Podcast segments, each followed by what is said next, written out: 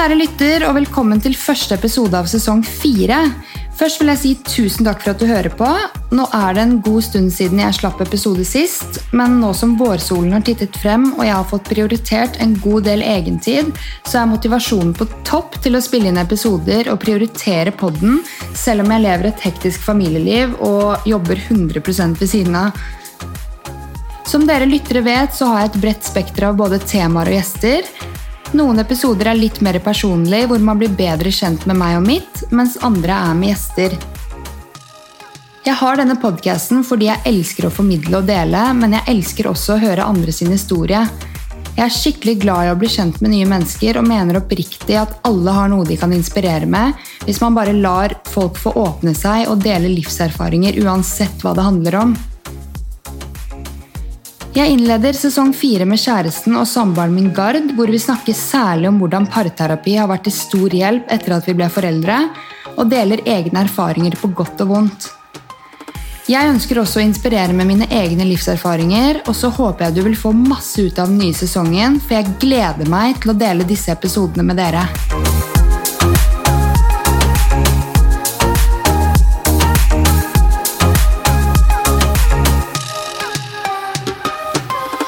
Hvorfor tenker du det er viktig at eh, vi kan dele litt om kjærlighetslivet vårt, og det at vi f.eks.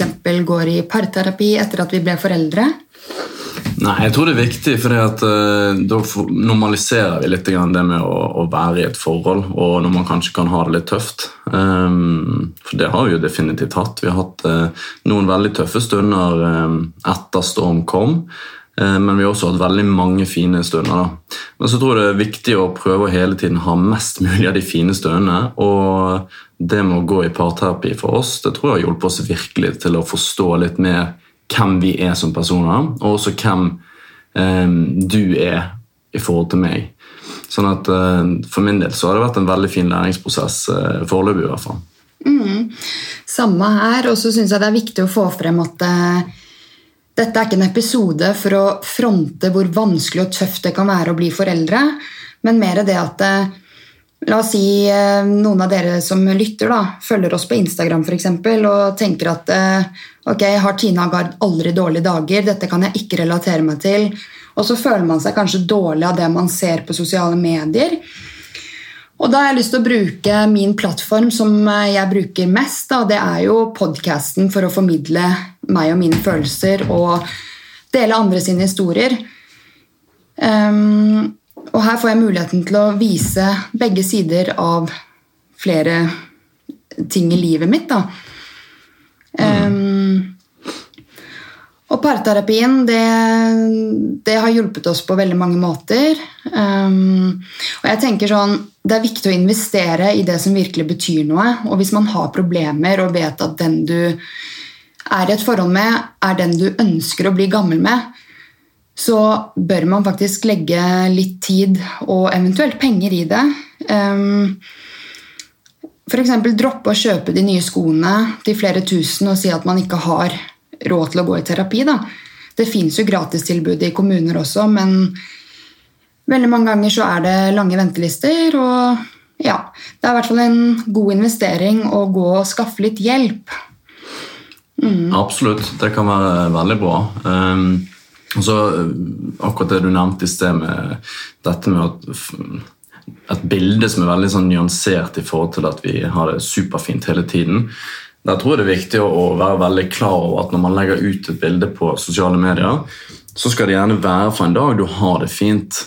Um, og det ingen tvil om at alle har problemer i et forhold. Um, alle har det ikke rosenrødt hele tiden. Og Derfor tror jeg det at det å være, ha litt sånn uh, kritisk blikk da, uh, når du sitter og blar gjennom Instagram, uansett hva det er for noe og hvem du følger, at man vet egentlig at vet hva, disse her er mennesker, de også. De har helt like dager som jeg har. De har tunge dager og de har fine dager. Eh, og så tror jeg at veldig mange der ute dessverre legger ut for mye eh, glansbilder av seg sjøl og sitt familieliv eh, hver eneste dag. Og vi er jo litt eh, på at når vi skal legge ut noe, så er det gjerne fra en fin dag vi har hatt. Vi legger ikke ut bilder og diverse videoer når vi har hatt en drittdag. liksom. Da, da dropper vi det. Da har vi ikke noe Hvorfor skal vi vise og late som at vi har det fint når vi kanskje har hatt en tung dag? Ja, akkurat det. da. Jeg klarer ikke å stå og smile på et bilde hvis jeg har hatt en sykt kjip dag med deg og være sånn Gard, kan du ta et bilde av meg? Så er jeg nettopp hylgrinig, og ting har vært jævlig kjipt. Men, eh, men jeg synes også, for eksempel, jeg prøver jo på noen av bildene jeg har lagt ut. Nå er ikke jeg superaktiv på sosiale medier, men å skrive kanskje tekster som kan treffe folk, og bare ok, jeg er ikke alene, da. Enten om det er eh, mammarollen eller om det er parforholdet. Jeg har skrevet flere lange innlegg til bildene mine, og det er jo for å vise at ja, det er mer komplekst enn at Ja. Mm. Ja, jeg er, jo, jeg er, jo, litt der at jeg pleier jo egentlig bare å ta kopi av alt du legger ut. Kopi? ja, altså, jeg bare viderefører det på en måte på min egen konto. Og det er jo litt fordi at jeg er veldig lite aktiv egentlig på min egen konto. Um, og jeg tror at som mann så, så, blir det litt sånn Det fader litt ut. da. Man kommer litt inn i familielivet, og så eh, går dagene veldig i ett. Eh, du er jo på en måte drevet litt av dette her med podkasten, og sånn, og du har, jo, eh, du har jo et viktig formidlingsbudskap. Eh, og da, da, tror jeg det at ved at du legger ut sånne ting som du gjør, det tror jeg er veldig positivt.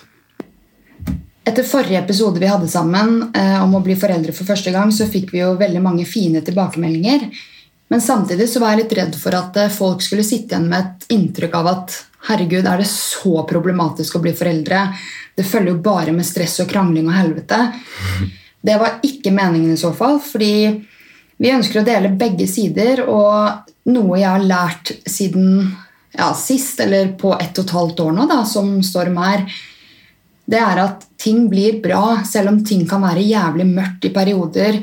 Du er sliten, trøtt, parforholdet har ikke blitt pleid på en god stund. Sånne ting. Det går over, men man må jobbe med det. Og jeg var veldig veldig klar på dette fra start, at vi skulle pleie forholdet vårt um, hele veien. da. Jeg var livredd for å miste det vi hadde, så vi jobber jo med det hele tiden. Eh, men i hvert fall det er viktig for meg å få frem at eh, hvis du er i en mørk periode som nybakt mamma eller pappa for den saks skyld, eh, og har litt mørke tanker eller syns at livet er tøft, og du tenker bare sånn Hva er det jeg holder på med? Så vil det gå over, fordi den der barndomsfasen den går i ulike um, puljer, da. Eh, plutselig så går det kjempebra, og så eh, begynner tennene å vokse ut, og så blir det mye sutring og dårlig søvn. Så det er veldig ulike perioder. perioder ja. ja. Så, men det er jo noe som vi, vi har blitt mer og mer eh, kjent med han også. Sånn at det når, du, når man får et barn, så tror jeg at I starten så er de ganske like alle sammen, tror jeg. Uh, utenom hvis du får et barn med kolikk. og sånn, Da har du det i tillegg oppi det hele. Men akkurat det der første leveåret er, så tror jeg de er ganske like. De, de trenger næring og nærhet og søvn. Uh, og, og, det er det. Men så begynner de plutselig å gå og krabbe og gå og løpe og passe på og sutring og lite søvn og ja, alle de tingene som et barn kanskje reagerer veldig sterkt på. Ja, og jeg må ærlig innrømme at eh, nå som våren begynte å komme, fint vær eh, Vi tvang oss gjennom tre netter hvor du gikk inn til storm, eh, og jeg sluttet å amme etter 16 måneder. Det har bare gitt meg en ny livskvalitet. At han også sover gjennom hele natten, og at vi er uthvilte. Solen dukker fram, skjønner du? Mm, ja. Så um, det går virkelig i perioder, ja. Og jeg vil i hvert fall si at uh, hvis man er på et litt dårlig sted kanskje akkurat nå, så skal jeg love deg at det blir bedre. Men jeg kan også forstå dere som eh, har vurdert parterapi, men syns det er skummelt. Eh, at man skal liksom sitte og brette ut private ting til en fremmed terapeut og bli dømt opp og ned i mente, som man kanskje føler da, og kanskje bli kritisert av partneren foran en man ikke kjenner. Hva tenker du om det, Gard? Jo, eh, vi var jo eh, vi var kanskje småkritiske i starten, eh, men, men, samtidig så var vi også der at jeg har jo gått til idrettspsykolog da jeg var idrettsutøver, og så jeg visste, jo, jeg visste jo litt hva det gikk i. Jeg følte jo på mange måter at dette var noe som ja, jeg hadde kjennskap til det å brette ut livet mitt til en som i utgangspunktet ikke visste hvem jeg var, men som kunne i hvert fall få meg sjøl til å bli bedre kjent med, med de sidene av meg som, som kanskje ja, var litt uh, glemt da, eller gjemt, som gjør at den jeg er, den er jeg. Uh, og det tror jeg også vi begge merket når vi var både i de første sessionsene vi var, men også særlig Eh, nå etter hvert så har vi eh, fått en veldig bra terapeut som, som, hjelper oss til å forstå litt hvem vi er og hvorfor vi er sånn som vi er. Mm. Jeg syns han er så kul. Han er nesten sånn der at jeg blir sånn ah, Du vet når det kommer sånn lysegreier rundt uh... Ja, han er veldig flink. Så, han er og, guden vår. Ja, nei, men han, han, har jo da, Siden vi er inne på at det er en han, så kan vi jo snakke litt om det. og han, han har jo en veldig fin evne til å få oss til å reflektere over eh, hvem vi er, men også hvem partneren vår er, og hvorfor partneren vår eh, er som han eller hun er i ulike settinger. Mm. Som gjerne gjør at vi forstår ok, eh, grunnen til at Tina blir, eh, eh, blir sint nå eller irritert nå, det er pga. dette. Og Det trenger ikke å ha noe med meg å gjøre, men det kan ha noe med hennes egne måter å tolke ting på. Fra barndom, fra barndom f.eks. Eh, noe som er ut ifra atferd. Mm. Så, så er veldig vanskelig å vite om som partner da, i forkant. Men å gå og snakke med noen som kanskje setter litt finger på de tingene, da plutselig blir du mer observant på ok, hva gjør jeg i en sånn situasjon. Um, Istedenfor å si dette, så bør jeg heller si dette. Uh, bare for på en måte å roe ned litt. Grann, mm. En annen ting jeg vil nevne, er um, Det kan også virke sårbart å gå til en terapeut eller en psykolog for den saks skyld, eller hvor man enn henvender seg. da. Um, og i hvert fall som mor, tror jeg, uh, så vet jeg i hvert fall at det er vanlig å være redd for at det, du skal bli vurdert om du er en skikket mor, hvis dere skjønner hva jeg mener. Dere som hører på. Eh, jeg har i hvert fall hørt en jordmor snakke om dette i en annen podkast, at til og med hun var redd for å bli vurdert om hun var skikket eller ikke når hun fikk hjemmebesøk av en helsesykepleier. Og jeg forstår godt hva hun mener, fordi når man plutselig skal brette ut om problemene sine, og du har blitt mor og har ansvar for et lite barn eh, at de kanskje vurderer sånn Er hun her egentlig skikket? Eh, bør vi melde ifra til å ta fra barnet? Altså Man kan få sånne syke tanker, og så har det egentlig ikke man vet jo at man er en jævlig god mor, men likevel så kan det dukke opp sånne tanker. da. Og det har jeg bare skjønt er helt vanlig. Det er ikke sånn at jeg går rundt og bekymrer meg. Men til og med når folk er, har født og ligger på barsel, så tror jeg de kan føle at de blir vurdert opp og ned av av de som hjelper til med amming, f.eks., eller mm. de som går rundt på barselhotellet, f.eks. Ja, sikkert særlig som førstegangsmor. Ja, ja, ja, herregud. At Da har du ikke den selvtilliten heller i bånn som gjør at Nei, du Man føler virkelig man blir vurdert. Mm. Og så er man kritisk til seg sjøl, og så har man lest veldig mye i forkant eller sett på babyverden, og så, og så kommer dette her lille vesenet, og så sitter du der, og så gjør jeg ting riktig i det hele tatt nå, eller gjør jeg noe som er helt riv ruskende galt, kommer barnevernet inn, uh, inn, ja. inn, inn, på fødselsstuen liksom, og tar ja, fra meg ja, ungen min. Vet du hva, det der, det der vet jeg at ikke er en uvanlig følelse og tanke. Så jeg vil bare betrygge dere mødre som hører på om det, at det det der er en vanlig følelse, og det der tror jeg er en del av morsinstinktet. Du er redd, du skal passe på ungen din men det er nytt for deg, og du, du føler at alle øynene er på deg. Du blir vurdert, da. Ja. Men det skal veldig veldig, veldig mye til for å bli tatt fra sitt eget barn. Sånn at dette her er også noe som jeg ikke visste om at du følte mye på uh, før vi begynte å gå til en uh, parterapeut. Altså, Jeg visste jo ikke om at du hadde eh, sånne dype tanker om det å bli mamma og bli vurdert opp og ned. Altså, når vi hadde hjemmebesøk av en sånn helsesykepleier første gang, så var jo ikke det noe som jeg tenkte på i det hele tatt. Nei, men ikke sant, Da var jeg veldig sånn eh, Sånn er jeg alltid når vi skal ha besøk, da. Men det skulle være helt ryddig. Det skal ikke være skikkelig rotete. Til og med da, Vi hadde verdens søteste helsesykepleier, men likevel så føler du For man vet jo at eh, helsesykepleiere og psykologer og jordmødre og alle de har en meldeplikt hvis de ser noe som de ikke Hvis de syns er bekymringsverdig. da. Og som nybakt mamma med alle de hormonene ikke sant? og morsinstinktet og alt som følger med, så skal jeg love deg at eh, det er mange der ute som føler at eh, de blir fulgt med på. da. Ja. Som nybakt mamma. Så, men herregud, når, når, livet begynner å Når du er vant til å bli mor, og tiden har gått, og sånn, så tenker du sånn Ja, ja, det var en del av det. Går ikke, jeg går ikke nå ett og et halvt år senere og er bekymret for om jeg er egnet som mor. Det er bare en sånn tanke man kan få der og da, da når man er så hormonell og ja, og så er det det som vi snakket om i sted, at det er helt nytt for deg. Mm. Så, så, det er denne selvtilliten som kanskje ikke har kommet helt på plass ennå. Mm. Men jeg måtte jo spørre han eh, terapeuten vår, og så har jeg jo lest masse og hører bare på masse podcaster og alt mulig om kjærlighet og relasjoner og parterapi. Og, og jeg er veldig interessert i dette temaet. Jeg har alltid vært en skikkelig Jeg går all in med hjertet mitt når jeg er i forhold eller får dype bånd med noen.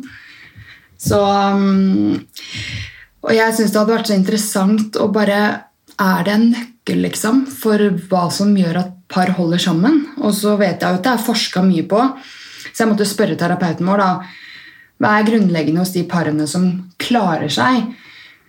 Og da sa jo han at dette er forsket en del på. og Bl.a. det å være nysgjerrig på hverandre hele livet, det er, eh, det er en eh, god ting da, for at par holder sammen. For hvis man lærer hverandre å kjenne gjennom hele livet og ikke tror at man kjenner partneren sin inn og ut, så er det en veldig ja, veldig fin ting for at man skal holde sammen.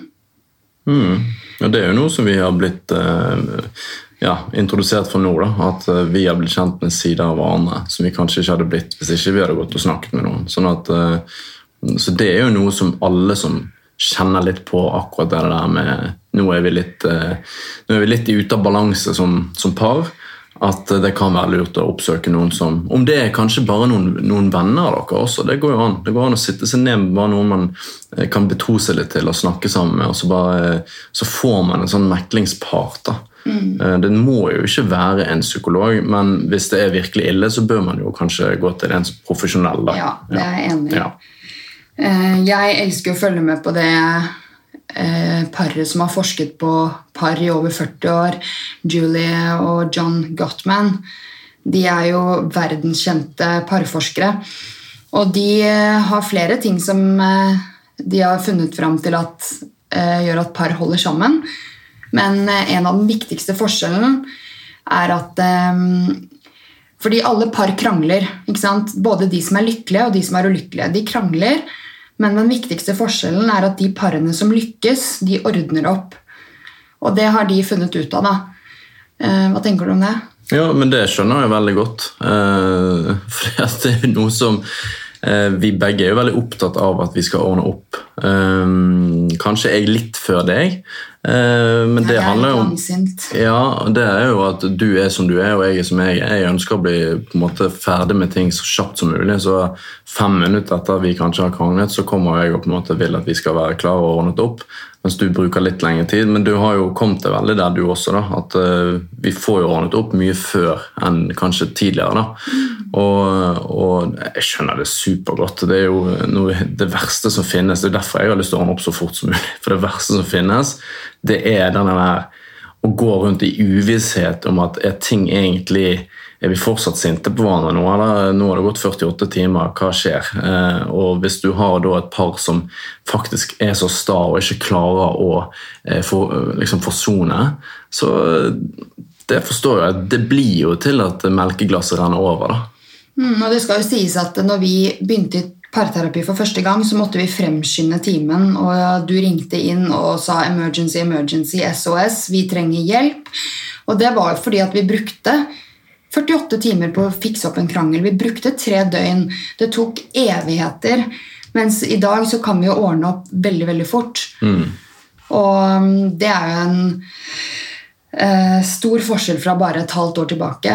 Mm. Ja, og så tror jeg vi, vi kjente veldig var- Sånn sett så vil jeg si at det var bra at vi også fikk oppleve den 72-timers-greien. fordi at eh, det fikk oss inn på et sånn spor om at dette her vil vi ikke.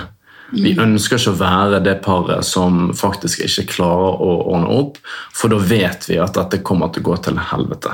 Så vi, vi, Det var jo derfor vi ringte inn og sa bare «Du, nå må vi komme oss inn til, eh, til noen, og, og fikk da eh, satt opp en time og sånn, og med en gang så begynte vi den prosessen. da.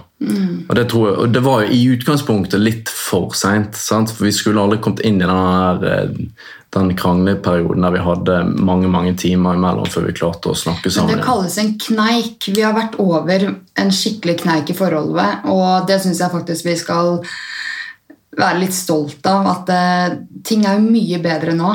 Ja da. Og jeg trodde jo aldri vi skulle komme til en kneik, deg og meg. Altså, når vi ble sammen, så sa jeg jo til folk rundt meg at Gard kommer aldri til å se meg irritert.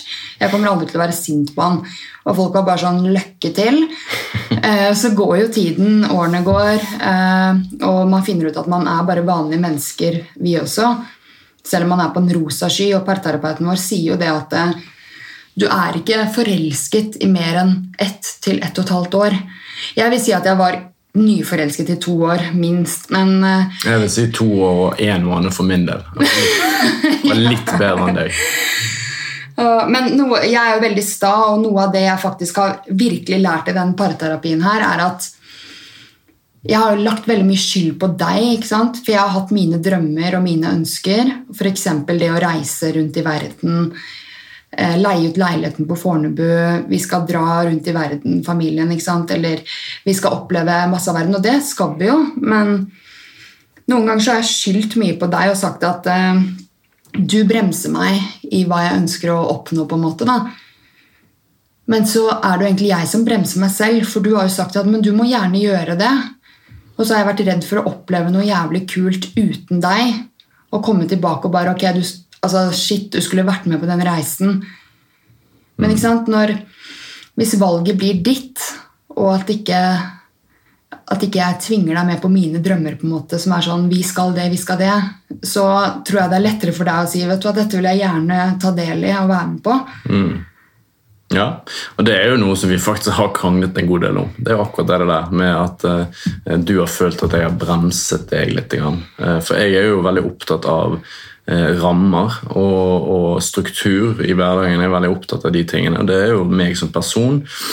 Ehm, og så har jeg på en måte levd et liv der jeg har vært ekstremt mye på reise eh, gjennom idretten. Og, og jeg tror at jeg trengte, etter jeg var ferdig med det, å, å finne ro. Da. Og, og så var, hadde jeg et stort ønske om å bli eh, familiefar. Og nå som jeg har blitt det, så ser jeg også at det, det er mye større begrensninger til hva vi faktisk kan gjøre. Eh, til dels da, Selvfølgelig kan vi jo dra vekk og vi kan dra på ferie når det åpner seg opp dette samfunnet igjen. Men, men eh, jeg også blir jo litt sånn stresset av at du har lyst til å dra til Vietnam i tre måneder. sant? For for meg så, så er ikke det realistisk i det hele tatt med en guttunge på under et år som han var den gangen. Og eh, Jeg skjønner jo det når jeg sier at nå står meg tre måneder, og jeg sier kan vi være så snill å dra til Vietnam, liksom. At det Jeg tror jo at det fint kunne gått an. Nå ble det jo lockdown rett etterpå, og vi, vi, istedenfor Vietnam så ble det Granca, liksom. Men vi fikk jo ikke dratt dit heller. Um, men det å på en måte ikke skylde så mye på partneren og heller ta sin del av ansvaret til hvorfor man krangler, det er også sykt viktig, fordi det er ikke bare partneren sin skyld. Man må se sitt ansvar i en krangel også. Og det har vært ganske vanskelig for meg til tider. Jeg har, jeg har tenkt at du er mye av grunnen til at jeg føler det sånn og sånn og sånn. Men du har egentlig bare sagt 'dra hvor du vil i verden', dra på jentetur. Jeg tror det bare er jeg som har vært redd for å gjøre ting uten deg. mm, Mens du har jo støttet meg fullt ut hele veien på at jeg skal gjøre akkurat det jeg vil. Du hadde jo sagt 'yes, jenta mi, dra' hvis jeg hadde hatt lyst til å dra en måned til Hawaii. Det hadde du jo. Ja. Men jeg har tenkt dette her må vi oppleve sammen, for jeg er redd for å komme tilbake og har vært gjennom noe sykt uten deg. Så som parterapeuten vår sier, det kommer jo fra et godt sted. Det er jo ikke sånn at jeg ønsker deg vondt ved å innse til Hawaii, liksom. Nei, men du, du ble jo veldig lei deg sant? Ved når du kom med forslag som jeg absolutt ikke helt uh, visste hvor kom fra, engang, og ønsket ikke å være med på egentlig det, det som ble foreslått.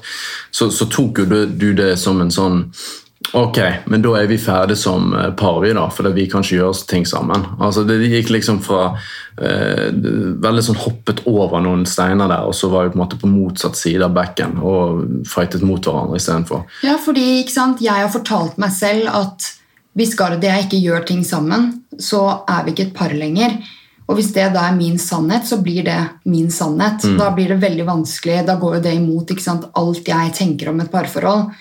Men hvis jeg heller kan prøve å endre at det, ok, hvorfor skal min sannhet være det som er riktig? Gard har en annen sannhet. Han tenker at det, hvis vi gjør ting fra hverandre, så, så er det dritbra for forholdet vårt.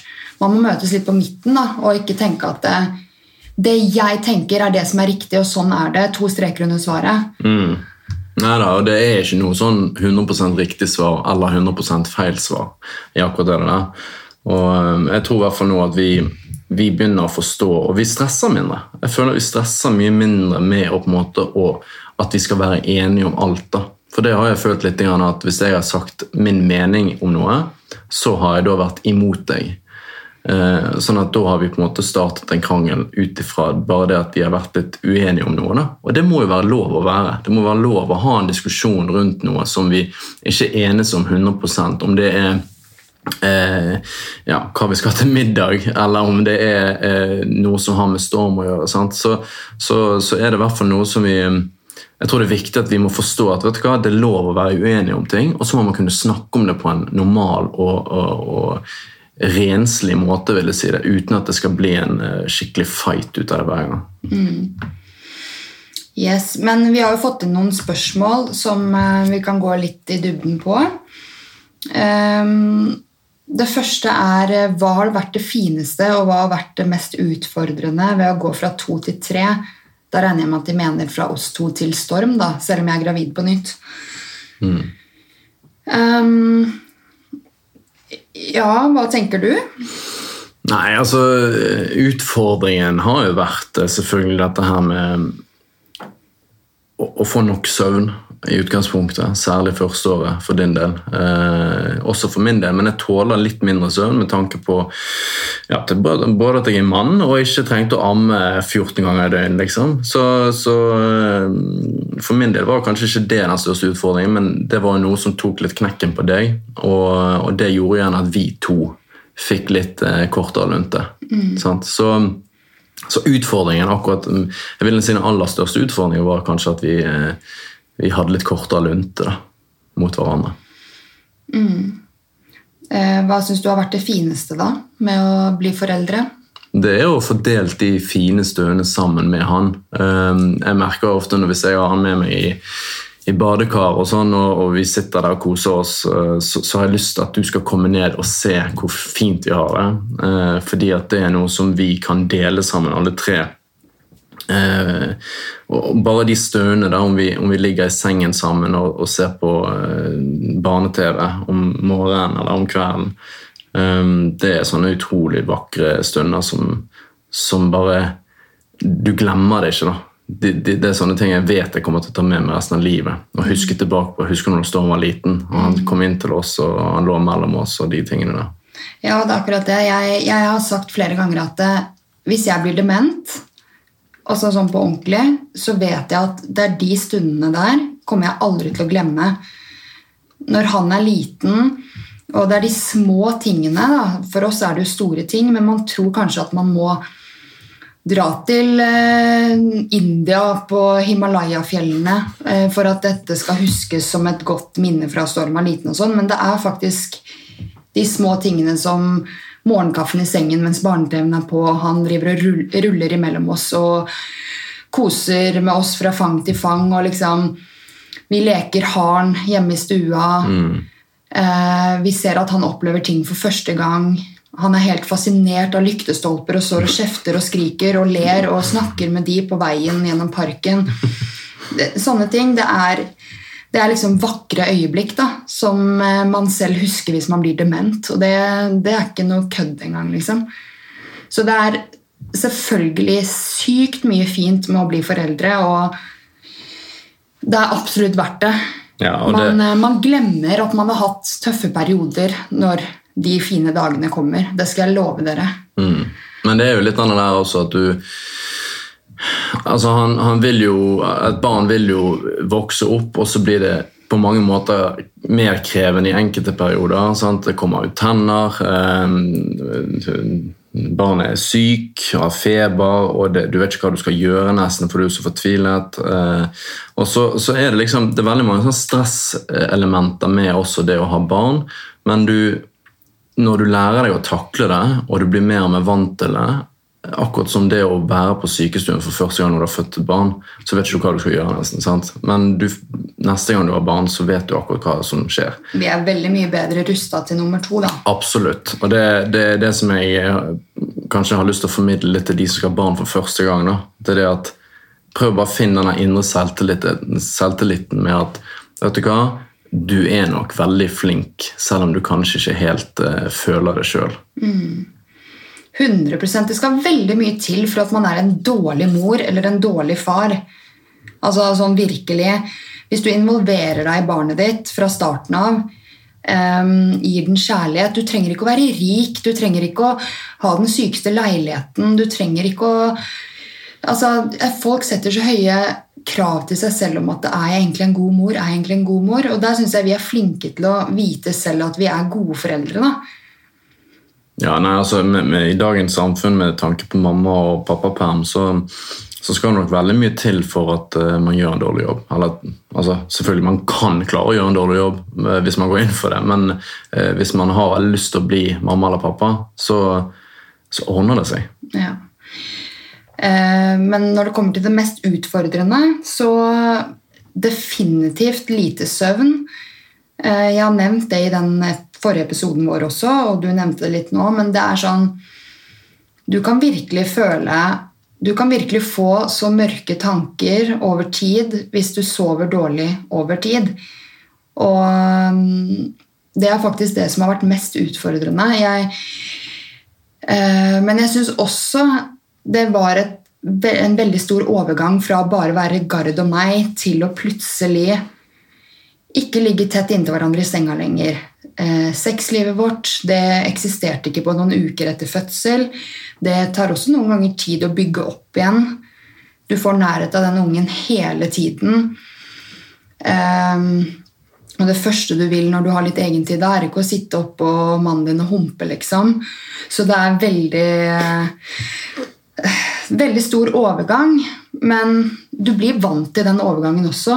Men det er lov å si at den overgangen kan være jævlig tøff. Jeg husker jo bare når, når du tok på deg sekken og gikk til sats, og jeg satt og ammet som en mjølkende ku eh, med puppene ute hele dagen, og du var sånn Nå går jeg på trening. Så syns jeg det var en kjærlighetssorg, fordi bare noen dager før så hadde vi gjort det sammen. Og plutselig så ble det så stor avstand. ikke sant? Ja, Og så vet du at nå har ting endret seg. Nå er det på en måte forandret. for godt. For godt ja. mm. Så, så den skjønner, skjønner jeg veldig godt. For meg var jo det ikke samme Jo, det var en sorg å ikke kunne dra dit med deg, men samtidig så, så var det jo Jeg fikk jo gjort det samme som jeg gjorde. Du gjorde Ja, ikke ikke sant? det. Og helt ærlig, da, du, du sov jo veldig godt om nettene, egentlig, med mindre du hjalp meg når, eh, når jeg var ferdig ammet når han var spedbarn. For jeg husker at det, jeg, jeg våknet jo alltid noen sekunder før han begynte å gråte, og det gjør jeg jo fortsatt. Mens du lå og snorket to dager etter vi hadde kommet hjem, på en måte, godt ved siden av meg. Jeg husker jeg tenkte sånn ah, Det er i hvert fall bra én får sove, men samtidig kan man få en følelse sånn herre Ja, her er det to helt forskjellige verdener. Altså, Jeg sov jo så dårlig fordi jeg lå på vakt. Jeg var nattevakt hver dag. Ja, Men så tror jeg også at uh, det der er eh, umulig å unngå. Og hvis man skal bli forbanna eller irritert over at eh, da mannen i forholdet faller til ro og sovner, som man alltid gjør, eh, og irriterer seg over det, så kan det fort bli en sånn ting som ja, En uunngåelig krangel. da. Mm, Men, så du må jo på en måte bare klare å la være å irritere deg. Du må jo si til deg sjøl at vet du hva, det her, jeg skjønner jo han godt hvorfor han sover. Han har ikke puppene ute og skal liksom Ja, absolutt, og det, den der støtter jeg 100 Samtidig som jeg kan forstå hvis mødre tenker at dette her er stor forskjell. på en måte. Men jeg vil også nevne at John og Julie Gottman, som er verdens fremste samlivseksperter, de forsket på 130 par og fant ut at 67% av foreldrene hadde et stort dropp i parforholdet og ble ulykkelige de tre første leveårene av babyens liv. Da. Um, og parene som overlevde og kom seg på en måte godt ut av det, uh, det var fedre som involverte seg mye fra starten av, fra svangerskapet, og klarte å omstille seg fra jeg til vi, uh, og som hjalp til hjemme når babyen var født. Så mm, ja, jeg husker at du, du var veldig flink på det egentlig helt fra starten jeg ble gravid. Så virket det som at du klarte å omstille deg fra jeg til vi. da. Og ga meg masse komplimenter, og du var liksom veldig involvert derfra. Så jeg tenker sånn, hvis ikke du hadde vært det, så hadde jo vi vært på et helt annet sted i dag, på et enda verre plan. Vi fikk jo problemer, på en måte vi også, men det ville nok vært verre hvis du ikke viste at du var involvert i dette her. Ja, du hadde nok sikkert følt eh, følt det veldig urettferdig hvis du var alene i svangerskapet også. Hvis jeg ikke brydde meg. Sant? For det handler om å være sammen om det. Selv om det er du som går gravid, så er vi jo vi er begge ansvarlig for det barnet som ligger inni der og skal komme ut. Sånn at jeg tror eh, For min del så, så handlet det om Selvfølgelig var jeg det var ikke bare sånn, det var ikke fake. Eh, Det var ikke sånn at jeg tenkte nå må jeg vise henne bare fordi at da virker jeg bra som fyr. Men det var jo fordi at jeg ønsket å, å være med i den prosessen. Jeg syntes det var veldig gøy og jeg syntes det var spennende.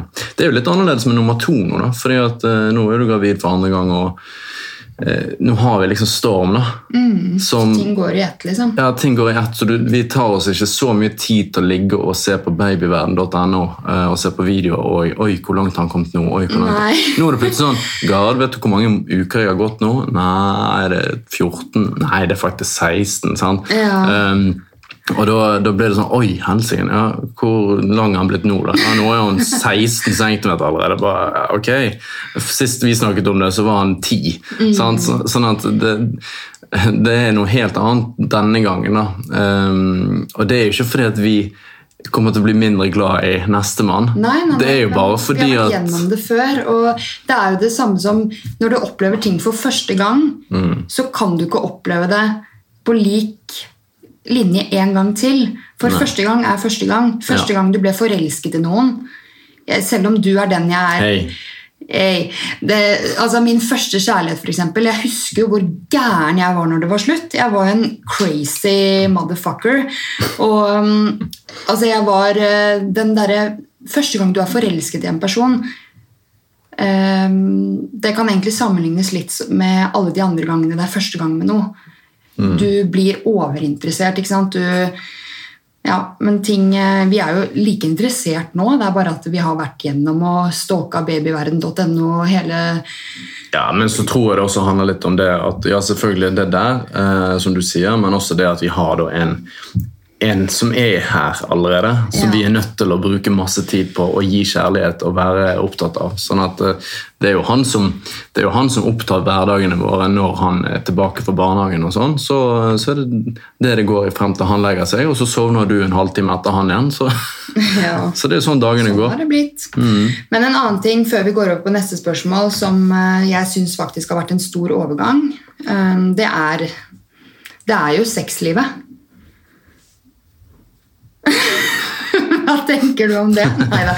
Jeg kan bare utdype litt, fordi jeg er jo veldig eh, opptatt av at par skal ha et bra sexliv.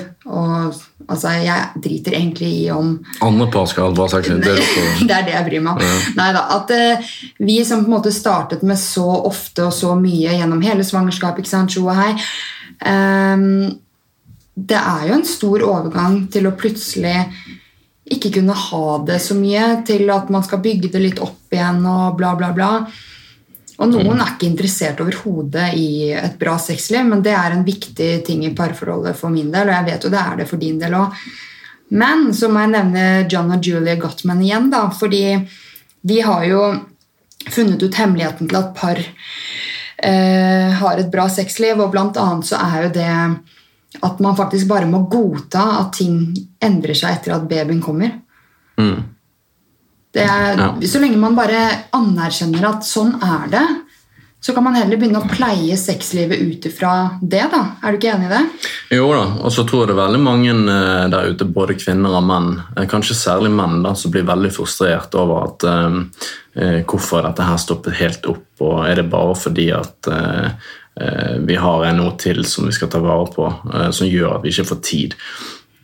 Ja, det er mye derfor, eh, faktisk. Det er mye fordi at når kvelden kommer og vi er utslitt, så det, har vi lyst til å bare slappe av. Sant? Sånn at det er ikke, det, jeg tror det viktigste for både menn og kvinner som er i den situasjonen som vi er i nå, og har vært i, det er at man ikke stresser med det. Fordi at Hvis du går rundt og tenker på det og stresser over at åh, hvorfor har vi ikke lyst, eh, hva har skjedd med oss, da blir det en mye større negativ faktor enn det trenger å være. Så bare ta det med ro, slapp av. Altså det, når dere begge har lyst igjen, så, så skjer det. Ja, og jeg er så glad for at du ikke har lagt noe press på meg der og vært sånn der, Tina, nå er det to uker siden vi har hatt sex. Istedenfor så på en måte kan jeg heller si til deg at eh, vet du hva, se på litt porno og ta en rank, fordi Gud, altså. Ja, men seriøst, fordi det, det er bedre da at det skjer noe enn ingenting. Man har jo sine behov. Så, og så må man bare innse at uh, menn er en mikrobølgeovn, og kvinner er en kakkelovn.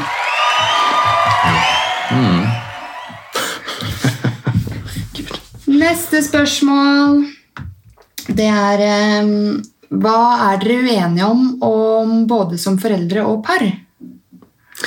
Ja, Vi snakket jo litt om dette før vi begynte å spille inn, og vi er jo egentlig ikke så uenige om eh, så mye når det kommer til oppdragelse. da. Altså, Vi er veldig like der. Eh, jeg tror vi kommer fra eh, ja, du har, jo, du har jo en stor familie, og sånn. jeg kommer fra en veldig liten familie, men jeg tror samtidig så har vi ganske like sånn tanker om det å vokse opp. da.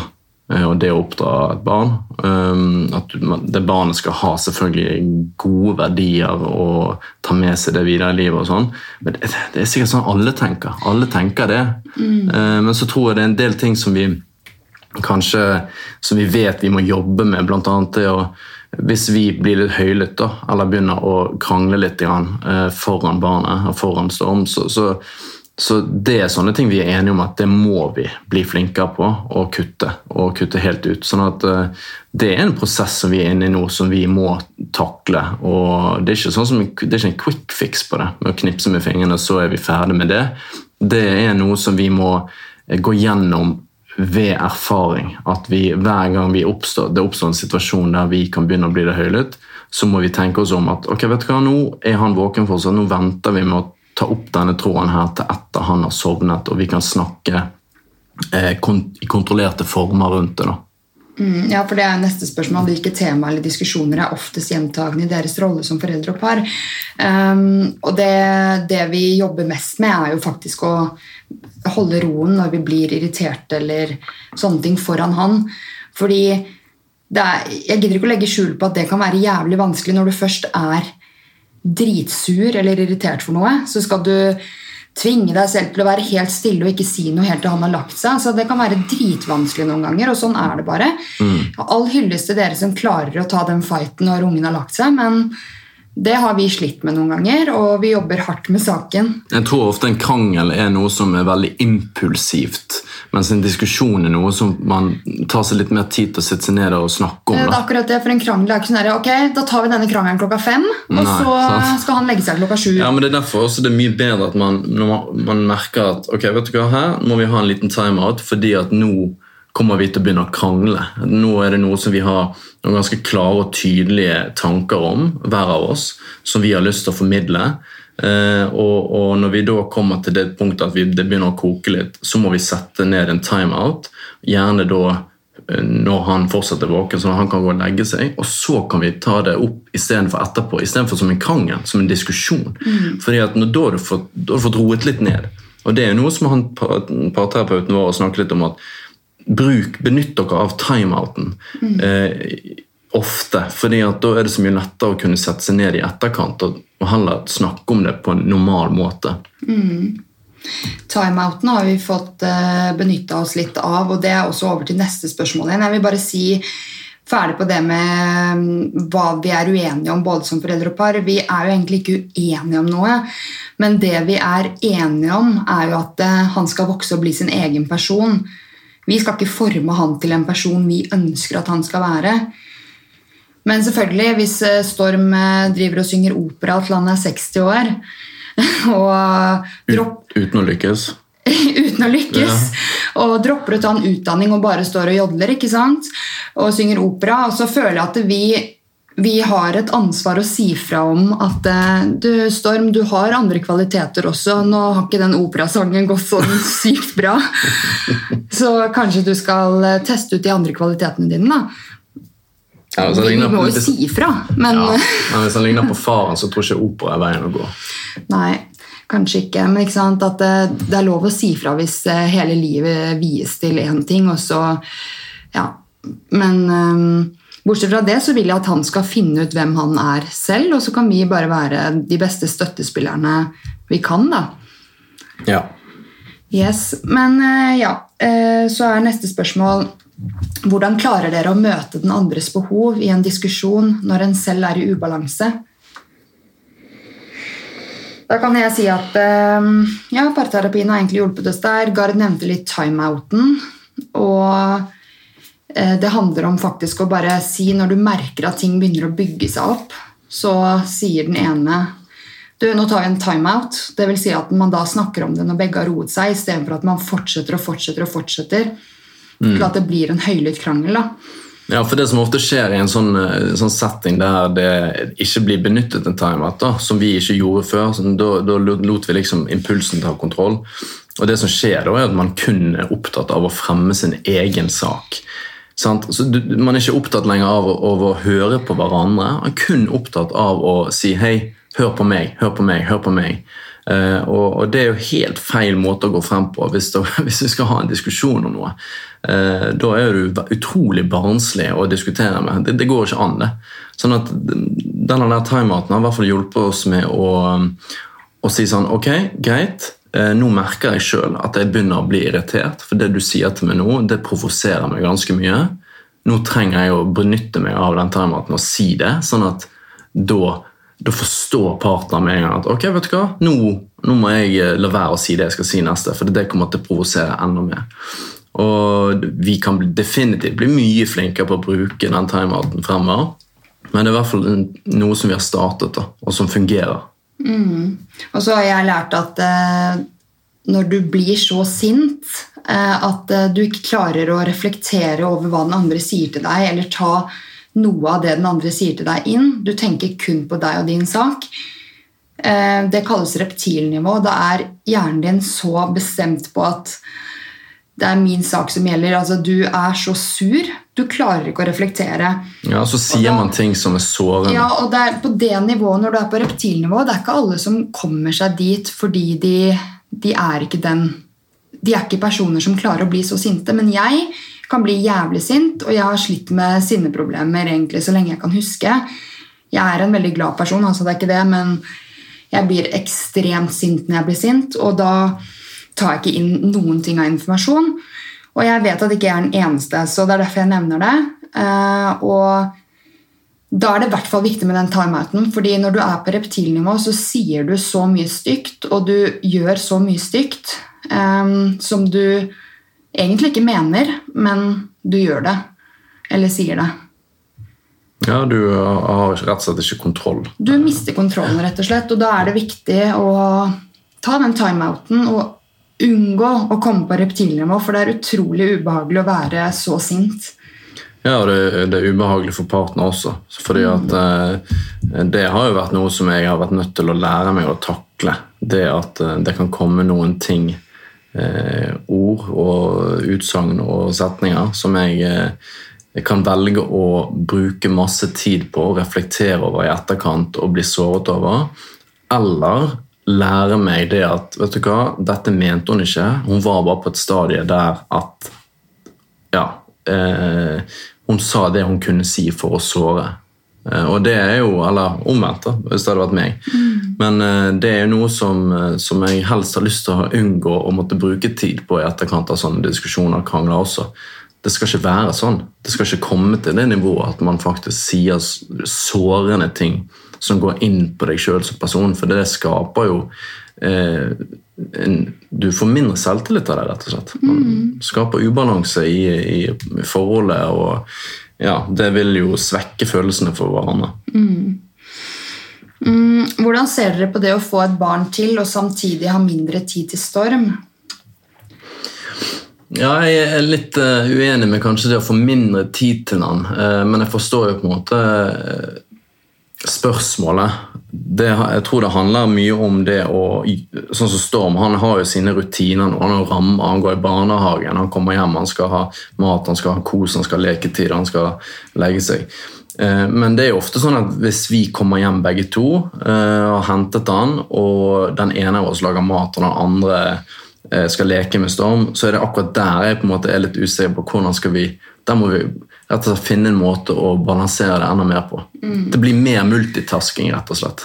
Ja, men jeg har valgt å ikke stresse over det. Jeg har valgt å ikke fokusere på hvor vanskelig det blir, for å være helt ærlig. Og det, vi er jo enige om at eh, vi ser ikke på det på den måten. Um, vi ser jo heller på det som at Storm får en bror som er tett i alder, og som han kommer til å elske å leke med. Og så må vi heller bare være forberedt på at eh, den barnealderen kan være tøff. Det er to år imellom de. Vi får en fireåring, vi får en toåring, vi får en toåring, vi får et spedbarn. Mm.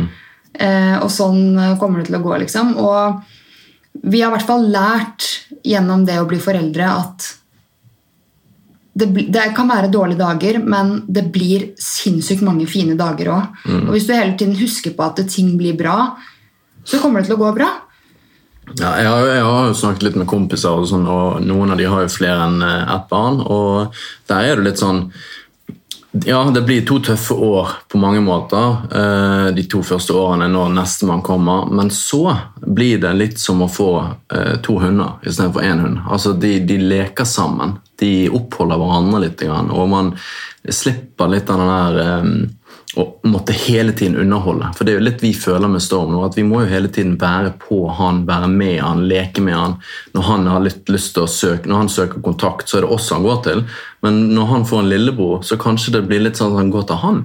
Og at de to kan gå litt sammen og, og, og liksom At de blir bestevenner på mange måter. Da. Og det tror jeg kommer til å skje når det er under to år mellom dem. Ja. Eh, og så tenker jeg at Greit, det første året Ja, det blir mye amming for din del. Eh, det gjør det. Men første året så, så vil det jo det vil være mye sitte i ro og slappe av og, og eh, vugge. Og liksom, det er ikke sånn at han løper rundt langt derifra. Det er kun Storm som løper rundt. Mm. Så det blir jo mest egentlig å ta seg av han, tror jeg. Mm. Eh, er det noe dere ville gjort annerledes i ettertid? Pri av egentid, dater eller lignende?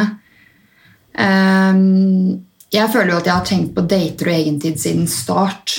Altså før vi fikk barn. Og var veldig tydelig på at det skal vi være flinke til selv om vi blir foreldre. For mm. som sagt så var jeg redd for å miste den, det skikkelig kjærlighetsforholdet vi hadde. Og jeg merker bare nå som jeg er på Trysil i fire dager, fire netter og fem dager alene, liksom, hvor hvor eh, stor verdi det har for eh, meg, i hvert fall. Og jeg vet jo det har det for deg også. For nå kommer vi hjem igjen med masse energi. Vi har fått lada batteriene, og jeg husker jo det at um, jeg ga deg overnatting på The Hub til julegave fire uker etter at Storm ble født. Så vi hadde en natt der. Var ute og drakk drinker med et vennepar helt til klokka tre. Um, og jeg dro på julebord med jentene, og du dro på julebord med guttene tre uker etter fødsel. Eh, så jeg syns vi var flinke til å kaste oss ut i det å faktisk være sosiale og nyte litt hvem vi egentlig er også når vi ikke er foreldre, da. Ja, da. Ganske fort. Ja, da, absolutt. Og så har det på en måte vært vanskelig nå selvfølgelig siste året med tanke på korona og sånn. Så, ja, men, der har situasjonen vært lik for alle. ikke sant? At uh, Du er ikke ute og drikker masse drinker i koronatidene. Folk har levd veldig isolert og mm. møtt uh, noen venner her og der, liksom. Men hvis vi ser bort fra korona, så syns jeg vi er veldig flinke til å ja, være med venner, ha egentid ja. Mm, og vi har jo hver sine hobbyer også. sant? Eh, du er veldig opptatt med podkasten og, og gjør research til det, og det er noe som du virkelig liker. sant? Og jeg har mine ting. og Jeg tror det er viktig at vi bare har hver våre ting. Eh, uten at det skal også være et stresselement. For det kunne fort gjort at det ble et problem, det også. Eh, og Det har jo nesten vært litt sånn på kanten noen ganger til at hvorfor gjør vi ikke flere ting sammen eh, når vi har eh, fritid da, etter han har lagt seg og sånn. Men der tror jeg det er sinnssykt viktig at man som par forstår at vet du hva, det er noe som gjør han lykkelig, og dette er noe som gjør meg lykkelig. Mm. Vi må ikke gjøre det sammen og oppleve alt sammen. Litt som det å reise på en eller annen reise som du har lyst til, som jeg kanskje er litt sånn Ja, men jeg ja, har jobb, eller um, og, og, det å liksom forstå at vet du hva, det, være, det, er viktig å trives i eget selskap. da. Ja, absolutt. Og det å kjenne på at uh, hvem er jeg? At man ikke, fordi helt ærlig, Noe av, også av den største forandringen er at man, man føler aldri man blir den samme igjen på en måte etter man blir mor. Du, det er en del av deg som Du blir født på ny på en eller annen måte. og men du er fortsatt deg, så det er viktig at man faktisk eh, benytter seg av barnevakt, f.eks., hvis man har muligheten til det. Ta vare på parforholdet, fordi hvordan liv er det hvis du bare skal være foreldre, men parforholdet bare glei ut liksom, på veien. Der er vi veldig heldige, da, som har uh, begge sider boende i nærheten av oss. Uh, begge sider av familien. Sånn at uh, vet jo at det er veldig mange der ute som, som, rett og slett ikke har mulighet til å få hjelp med, med barnevakter eller barnepass. Mm. Og det, det tenker jeg sånn bare push på. altså. Prøv å få det til, for det er viktig. med den der... Det er nesten så Jeg har lyst til at vi skal tilby alle som hører på som har barn, sånn, hvis de ikke har barnevakt, uh, bare ta kontakt med oss. Vi kan stille ja. opp for dere. mm. Ja, ja. ja selvfølgelig. ja, ja, um, ja, Det neste spørsmålet er jo hvordan tar dere vare på hverandre, dere selv og forholdet deres etter dere fikk barn? Det er jo litt som forrige spørsmål, men jeg syns vi er superflinke til å være sosiale med venner og bruke barnevakt. Dra på helgturer på hytten eller booke oss på hotell. Um, og så syns jeg vi også er veldig flinke til å finne på ting alle sammen som en familie.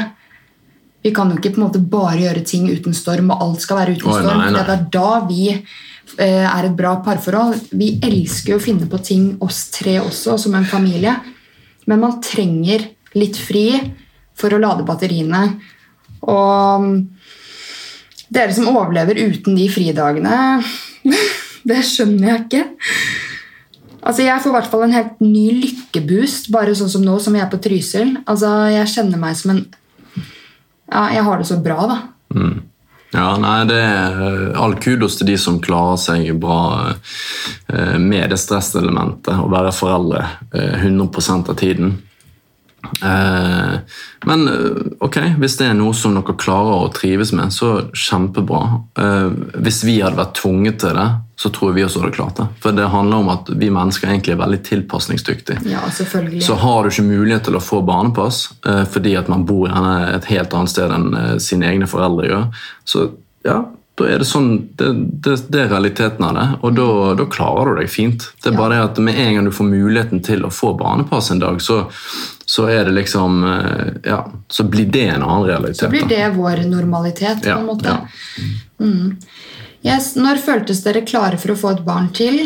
Jeg sa jo tre dager etter fødsel at jeg gleder meg til å føde igjen, så jeg kan jo ikke ha vært eh, veldig traumatisert akkurat, selv om det var dritvondt, men det er jo det råeste jeg har vært gjennom. liksom. Men vi sluttet jo å være forsiktige med eh, måten man blir gravid på, for å si det sånn. Nå når Storm var syv måneder, men jeg ble jo ikke gravid før i desember.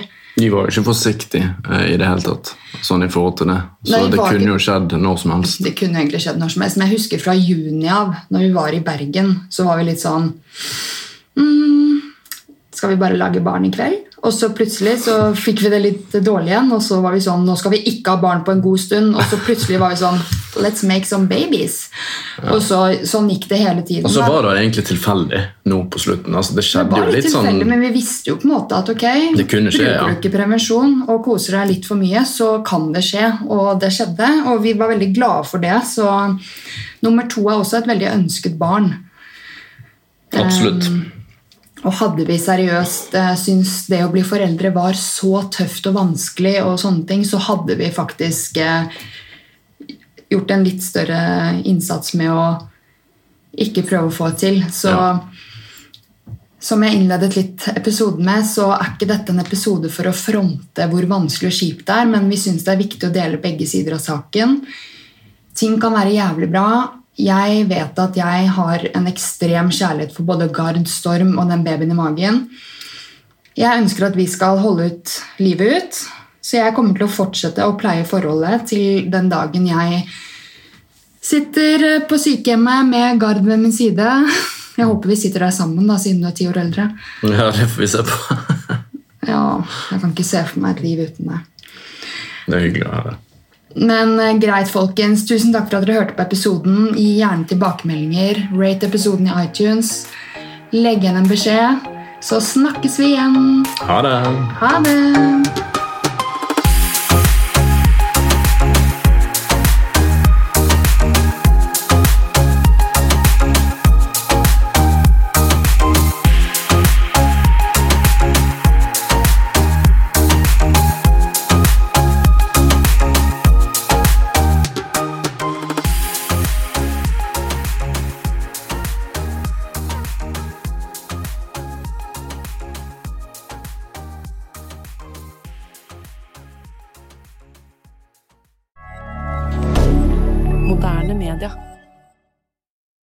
Har du et enkeltpersonforetak eller en liten bedrift? Da er du sikkert lei av å høre meg snakke om hvor enkelt det er med kvitteringer og bilag i fiken, så vi eh, gir oss her, vi. Fordi vi liker enkelt. Fiken superenkelt regnskap.